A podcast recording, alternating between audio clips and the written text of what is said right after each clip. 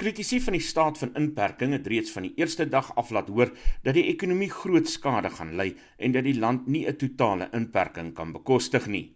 Sedertdien hoor 'n mens met reëlmaat van klein besighede wat nie genoeg kontantvloei het om te kan voortbestaan nie.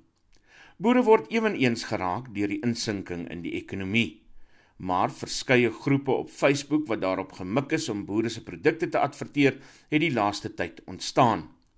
Een van die groepe is Koop Direk van die boer wat binne 2 dae meer as 25000 lede gelok het.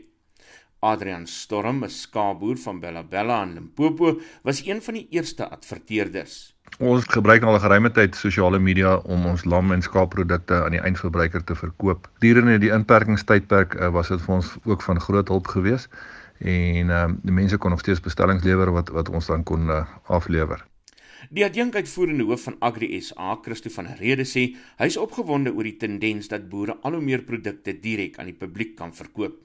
Uh die praktyk uh om direk by boere enige produk aan te koop bestaan al reeds vir baie baie jare. Ek kan onthou as kinders het ons gewoonlik melk gaan koop of eiers op die plaas gaan koop en hierdie praktyk het nou werklik maar uh tot 'n einde gekom nie. Vandag uh vir al ons groot kommersiële boere uh voorsien direk aan die mark. Hulle het natuurlik kontrakte met groot uh kleinhandelaars soos Woolworths en Shoprite en hulle bemark hulle produkte direk aan hierdie groot winkelgroepe en dan voorsien hulle ook op groot skaal aan die markte. Maar ehm uh, ek dink ons gaan in die toekoms baie meer boere sien wat die geleentheid gaan gebruik maak om direk aan die publiek te voorsien. Daar word allerweer gekla dat boere aan die agterspeen suig wanneer hul produkte aan groter winkels verkoop. Dis waarom TLU SA al vir baie jare die boeremark in Silverton aanbied waar boere en verbruikers kan sake doen sonder die inmenging van die middelman, sê Henk van der Graaf. Dit is al vir baie lank 'n uh, probleem dat die boer eintlik 'n prysnemer is. Met ander woorde, hy vat sy produkte na die markte toe dan by die mark dan kry hy net eenvoudig die prys wat vir hom gegee word. Ehm um, en as dit nou by 'n uh, boeremark gaan uh, direkte bemarking van die boer na die verbruiker toe, dan kan die boere bietjie meer sy prys bepaal. Middelmanne word uitgesny, die boer kry 'n beter prys vir sy produk, die verbruiker kry 'n beter produk in die opsig dat dit vars is en omdat middelmanne uitgesny word, het die verbruiker dan ook die voordeel daarvan dat hy ook 'n beter prys kan kry. Storm sê boere sal nie al hul produkte op die manier kan verkoop nie, maar dit bly voordelig om aanlyn sake te doen.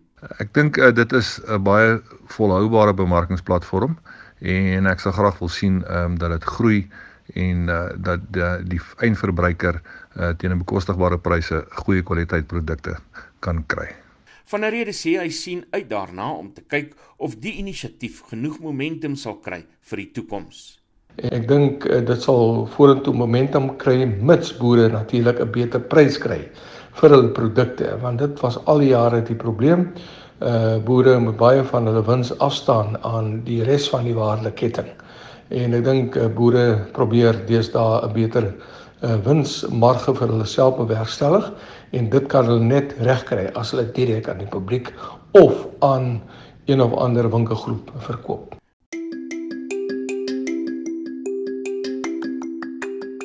Jy luister na Nuuspot, die tuiste vir Afrikaanse stories agter die nuus. In die advertensie gleef. Emma se somer is 'n liefdesroman deur Tosca de Villiers.